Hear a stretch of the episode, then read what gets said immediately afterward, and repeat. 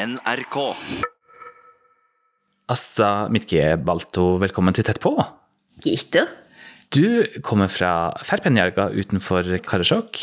Du er veldig spennende, for du har vært aktiv i å bygge opp samisk skoleverk og forskning.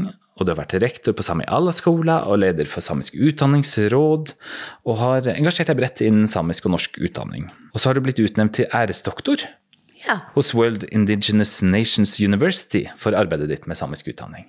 Yes, det har jeg. Og nylig fikk du en veldig hyggelig oppmerksomhet da du kom inn på magasinet Altså sin liste over de 100 som representerer norske kvinner best. Ja, det var virkelig uventa. Og nå er du pensjonist, men du er jo en veldig dårlig pensjonist, har jeg inntrykk av. For du jobber jo som bare det. Ja, jeg kan ikke akkurat skryte av at, eh, at jeg eh, har en veldig avslappa periode i mitt liv. Nei, det kan jeg ikke skryte av. Du har forska på samisk barneoppdragelse, og hvordan kunnskapen overføres mellom generasjonene. Og så har du sett på hvordan den er i endring. Og så har du også sett på det her med samisk metodologi, og hvordan samiske verdier kan brukes som et grunnlag for utdanning og samfunnsutvikling. Og jeg har lyst til å bare starte litt med deg sjøl først, for ditt møte med skolevesenet som liten samisk og samisktalende jente. Ja, det må jeg si. Det var ikke så veldig, veldig morsomt å begynne på skole som sjuåring og ikke kunne norsk, som jo var hovedspråk den gangen. Det var litt sjokkarta. Og jeg fikk jo veldig dårlige karakterer også. Men jeg ble alltid oppbakka hjemmefra. At du kan jo, det her går fint. Og så eh, jeg mista ikke helt troen på meg selv. Så da jeg lærte norsk, det var vel kanskje i fjerde klasse at jeg begynte å skjønne noe, så ble jeg egentlig en lesehest. Jeg elsket å lese. Så når jeg løste den koden, så, så åpnet verden seg for meg. Og da bestemte jeg meg for at norsk, det skulle jeg iallfall lære til gangs. I hele mitt utdanningsløp har jeg hatt norsk. Og bare et eneste år har jeg lært samisk, og det var rett på universitetet. Ja. Hvordan var det? Det var et nydelig år sammen med andre samiske studenter som også leste samisk. Det var liksom som å komme hjem, språklig sett. Men det er klart, jeg hadde jo et sterkt muntlig språk hjemmefra. Eh, Her hjemme så har foreldrene mine alltid snakket samisk. Selv om min far, som var sosialist og arbeiderpartimedlem, han mente jo også at det var egentlig ikke så viktig med samisk. Fordi at det var norsk man skulle kunne for å komme ut i verden. Og det var jo hele den her eh, massive påvirkningen som foregikk her. Men det heldige var jo det at han syntes at samisk det skulle vi iallfall lære hjemme. Så vi fikk alltid veiledning når vi kom fra internatet. For vi hadde fått et veldig barnslig språk, samisk. Så da fikk vi alltid veiledning hjemme. Så sier mor og far at ja, men vi bruker å si det sånn. Og jeg lærte likevel at det var veldig fint med samisk hjemme. Akkurat. Og da når jeg selv fikk eh, barn, så begynte jeg å tenke på Den gangen bodde jeg i Alta. Hvordan møter egentlig den norske skolen mitt barn? Er det samiske verdsatt av lærerne, av skolen, sånn at han får føle at det som er hans bakgrunn, er viktig? Og det er klart at det var jo ingen bøker i skolebiblioteket der han gikk, som kunne vise noe om det samiske. Og lærerne hadde jo heller ingen utdanning i det. Og da tenkte jeg at det her er nok en oppgave som Asta skal gå inn i. Og prøve å finne ut av vår egen måte å lære på. Er det noe å hente der? Tenk på det at vårt folk har i mange, mange generasjoner overlevd her oppe i det nordligste området i Norge og klart seg og livberga seg. Så de må jo ha hatt en god pedagogikk når de har lært å oppdra barn til å klare seg i våre områder. Så det ble veldig spennende å, å gå inn i det, og så da begynte jeg liksom på nytt å studere. Og reiste til Oslo for å ta pedagogikk. Riktig. Det her med pedagogikk altså internt i en kultur og den overføring av kunnskap og verdier, det sier jo veldig mye om hva som er viktig for foreldrene og samfunnet rundt, og hvordan det er organisert. Hva er det i den samiske tradisjonelle kunnskapsoverføringa som du syns er spesielt spennende? Jeg syns jo det her med at eh, du skal trene opp barn og unge til å klare seg og bli selvstendige. Og ikke bare det, men også bli litt selvhjulpne. For det er det som har vært alfa og omega ved å berges her oppe i våre områder. Det å klare seg. Og det er klart at det er jo ikke noe som eh, bare det samiske folket har eh, strevd med. Det er jo ganske universelt at man vil lære opp kommende generasjoner til å klare seg. Men det som, som jeg syns var spesielt, var det at man hadde en del praksiser som tydelig viste det. Hvis jeg tar et eksempel. Utenforstående syns jo det er veldig rart at samene gir kniver til eh, barn når de er små. Tenker de ikke på at de trenger beskyttelse.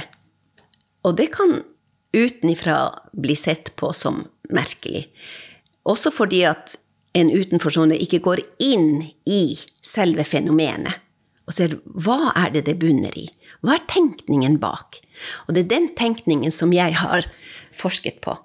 Og det rasjonelle bak det der med å gi en kniv Man skal på en måte lære opp barnet til å klare seg selv, kunne bruke kniven. Fordi at foreldre tenkte at vi kan jo ikke hele tiden være til stede. Tenk nå hvis barnet finner en kniv, og jeg som mor eller far er ikke til stede, hva skjer da? Det er ganske alvorlige ting som kan skje. Men hvis jeg lærer opp barnet mitt om knivseggen, den får kjenne litt, den skal forstå at det kan også være farlig, det er ikke noe å leke med, f.eks., at det, det er viktig, og man viser nytten av det å kunne bruke en kniv, så ligger egentlig denne selvstendighetstreningen. Og ikke bare den, men også bygger det opp en tillit hos den voksne til at barnet kan klare seg. Og den tilliten som barnet kan se i den voksnes øyne, den bygger opp selvbildet. Den bygger opp den her styrken i 'ja, men jeg kan'. Og det er noe av det viktigste vi kan gi barna våre. Den opplevelsen at vi kan.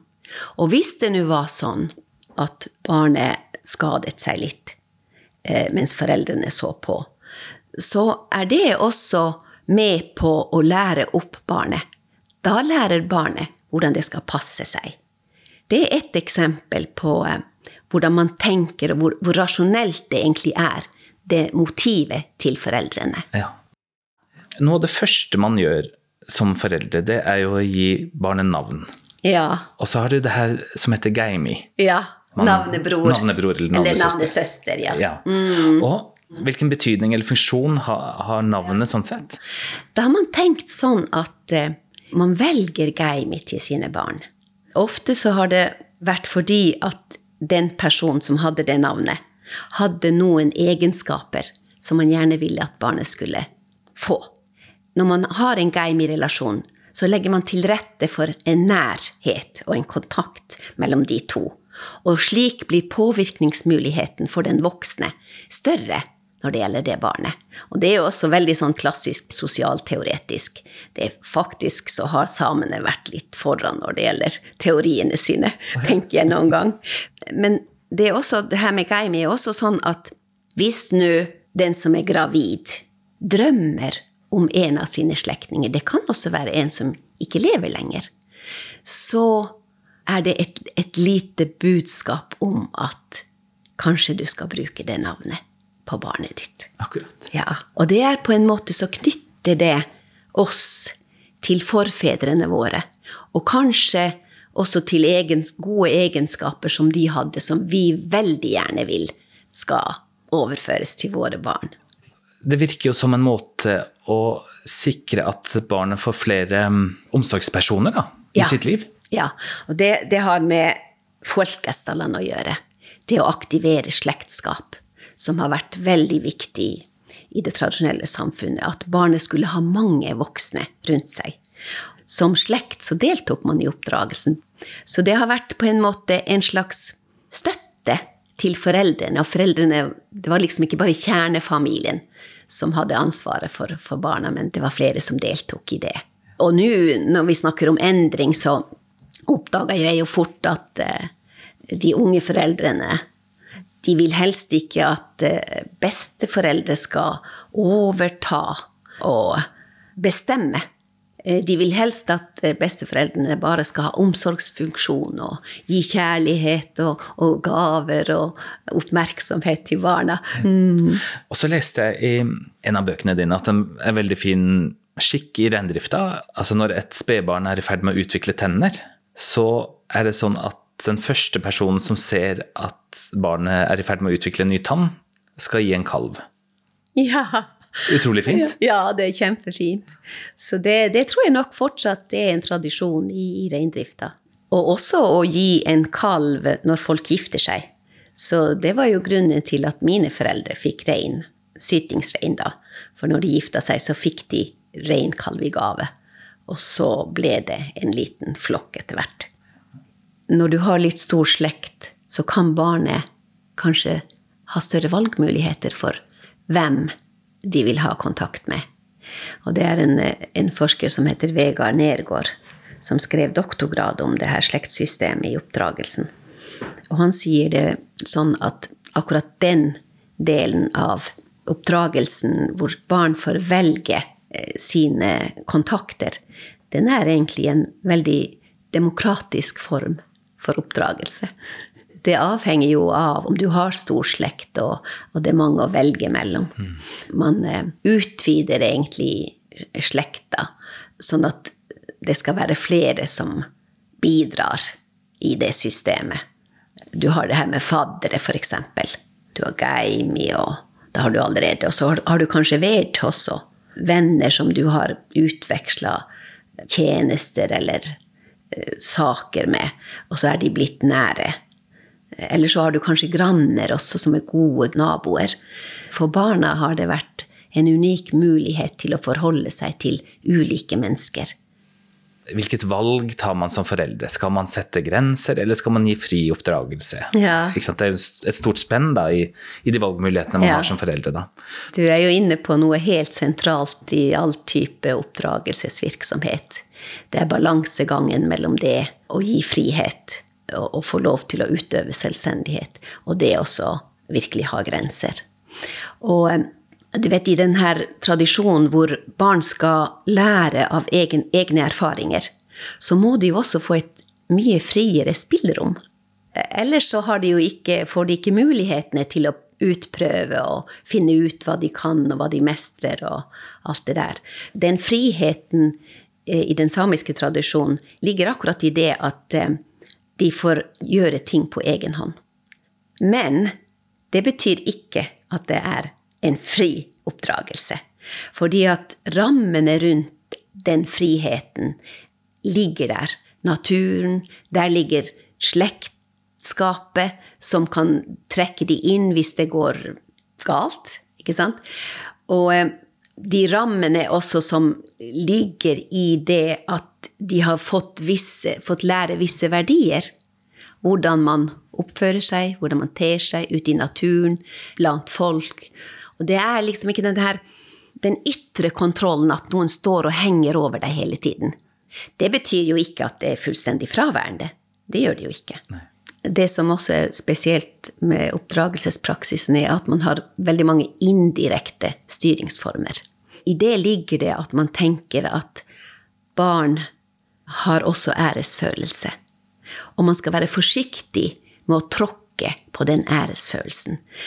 At man derfor ikke alltid direkte skal kritisere barn og i andres påhør. Og for eksempel har man på samisk totall. Man sier moai, vi to. Jeg har et eksempel, eh, og det er litt mindre barn. Er sånn en liten jente som eh, har lært å, å bruke potte. Men hun er med bestemora si i selskap. Og så er hun veldig uheldig, for hun rekker ikke til potta i tide. Og, og da sier bestemora at oi, vi har vært uheldige. Og alle hører det. Og da har bestemor inkludert seg i den skammen som det er for den lille jenta. Og da blir liksom den byrden for å feile, den blir mye mindre for barn. Og også ungdommer. Mm. Og det bunner i det at uh, man tenker at de også har sin ære å ivareta. Og vi vet jo hvor viktig æresfølelsen er for mennesker. I hvilken grad brukes straff? Jo, det, det, tror jeg nok ikke har vært så uvanlig at man også ved grove overtredelser av hva som er eh, bra, så tror jeg nok at de har, har kunnet f.eks. Eh, etterlate unger for seg sjøl, og eh, i gamle dager så var det jo også, så brukte man jo også ris.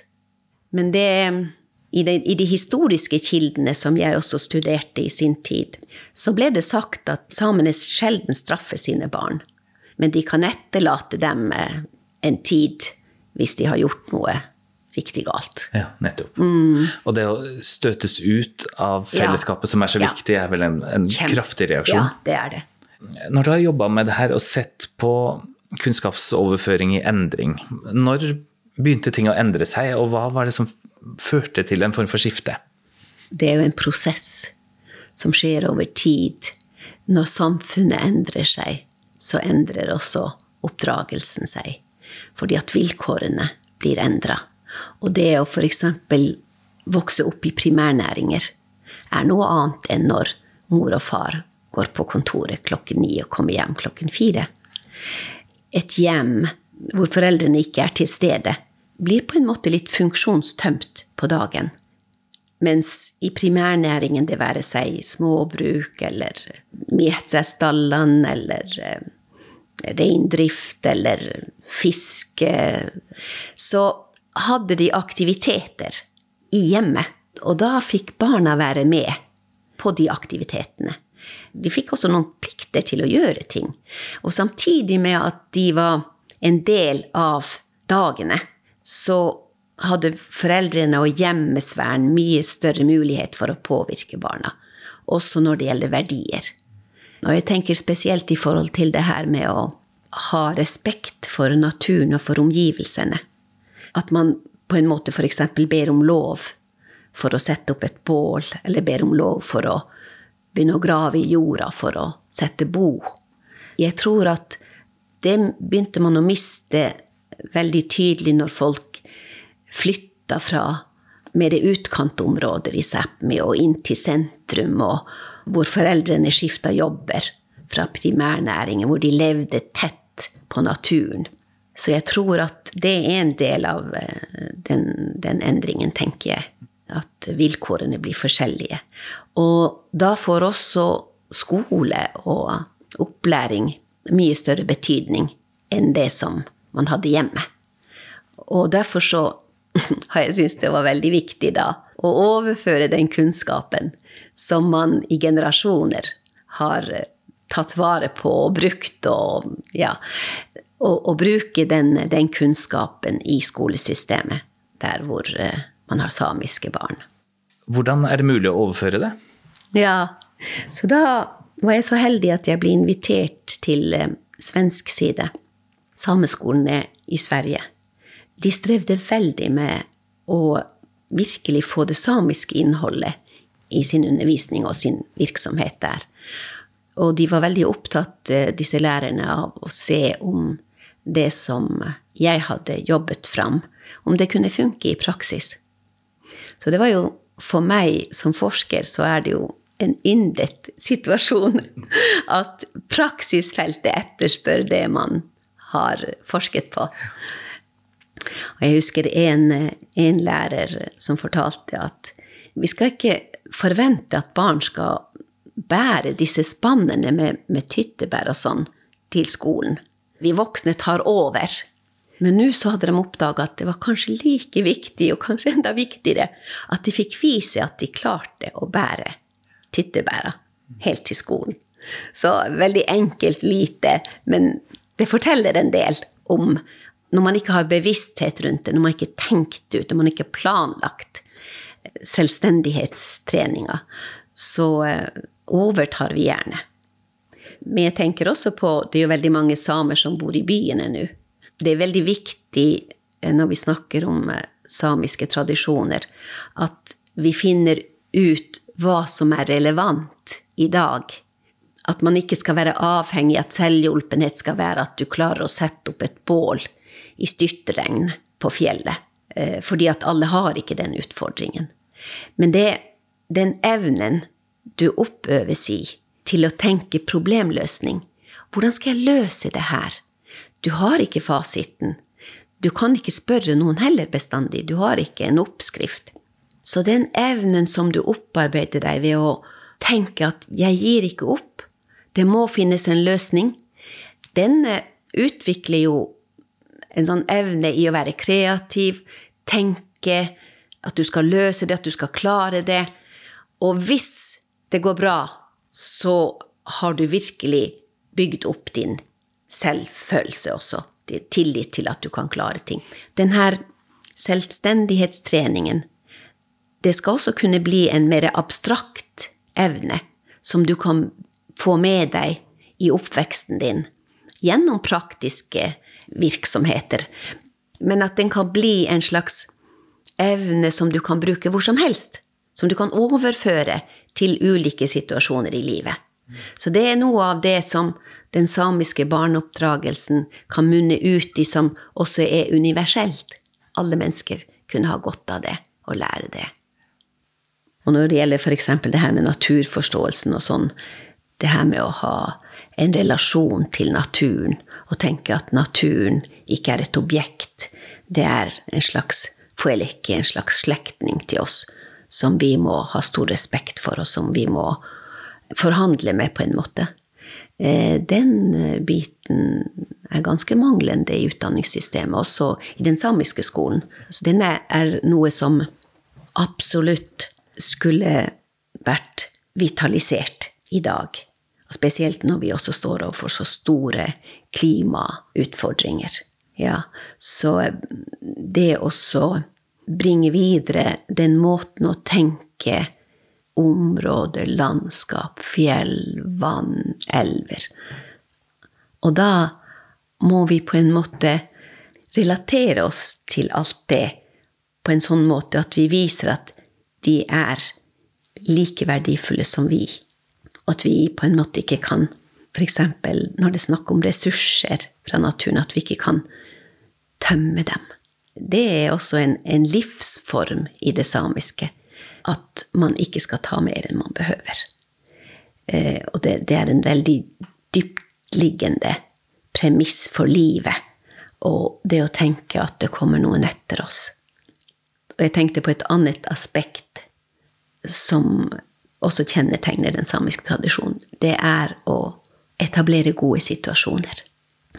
Man sa gjerne at eh, barn lærer ikke hvis du presser dem, eller hvis det er ubehagelig, da går det inn det ene øret og ut det andre.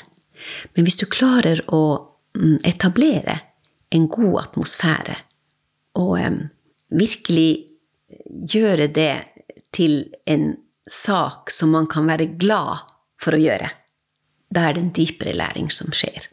Det betyr jo selvsagt ikke at man ikke skal ha utfordringer kaotiske situasjoner kan jo også utløse kreativitet og problemløsning og sånn.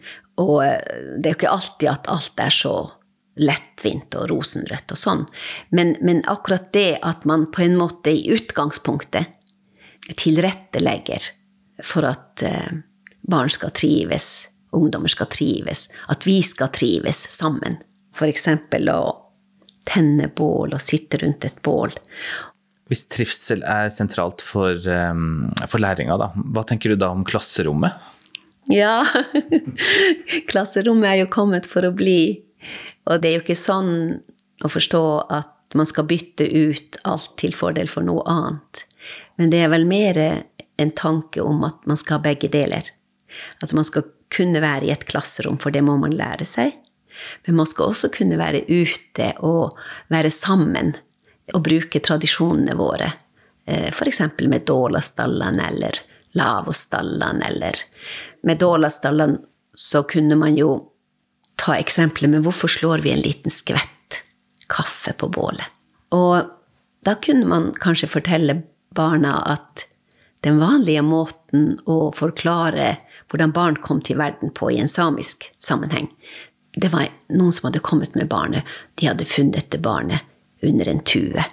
Og grunnen til at, eh, som jeg fant ut i min forskning, det var veldig spennende, det var det at at eh, de mytiske fortellingene våre sier at eh, under Aran, der hvor bålet er satt, så har man egentlig noen hjelpere. Og de heter Sarahka, Oksahka og Juksahka. Og så plutselig så oppdaga jeg linken mellom de fortellingene om hvordan barn blir til, hvordan de kommer til oss, og det her at disse gudinnene, som de har kalt det i litteraturen, hjelper til ved fruktbarhet, ved det å se at barn vokser seg sterke helsemessig og, og blir gode fangere og skyttere. Altså alt som hadde med barn å gjøre, var de hjelpere til, de som holdt til under arrene. Så der så kommer det her med at vi slår en skvett, og da er det til takk til Særæhka, Oksähka, Juksähka for at vi får være der, men også for at våre barn og våre reinkalver og våre dyr og alt som er, at det får vokse. Det her med samisk tradisjon i oppdragelsen er jo ikke bare for utdanningssystemet. Det forteller jo noe om hvordan vi har forholdt oss, og hvordan vi forholder oss til veldig viktige, grunnleggende ting i våre samfunn. Jeg er jo blitt kontakta f.eks. av advokater i barnefordelingssaker. For, eksempel, for å forklare hva barn eventuelt mister når de må flytte til et ikke-samisk område. Og vi mangler jo egentlig håper å si, en håndbok i det som man ofte etterspør som et samisk perspektiv. Og hva går det ut på? Så da leter de etter det perspektivet, og det er faktisk ikke en håndbok eller en bok du kan ta ut av en hylle for å se ja, hva er det her skal gå ut på. Så da blir det kanskje opp til den enkelte å prøve å utvikle et perspektiv. Og det er noe som jeg har vært opptatt av at eh, den forskningen som jeg gjør, at den skal også kunne anvendes utover utdanningssystemet. Og den siste boka som jeg skrev sammen med Gudrun Gochmanen fra svensk side, går nettopp ut på det at eh, vår oppdragelsestradisjon har en mye videre verdi.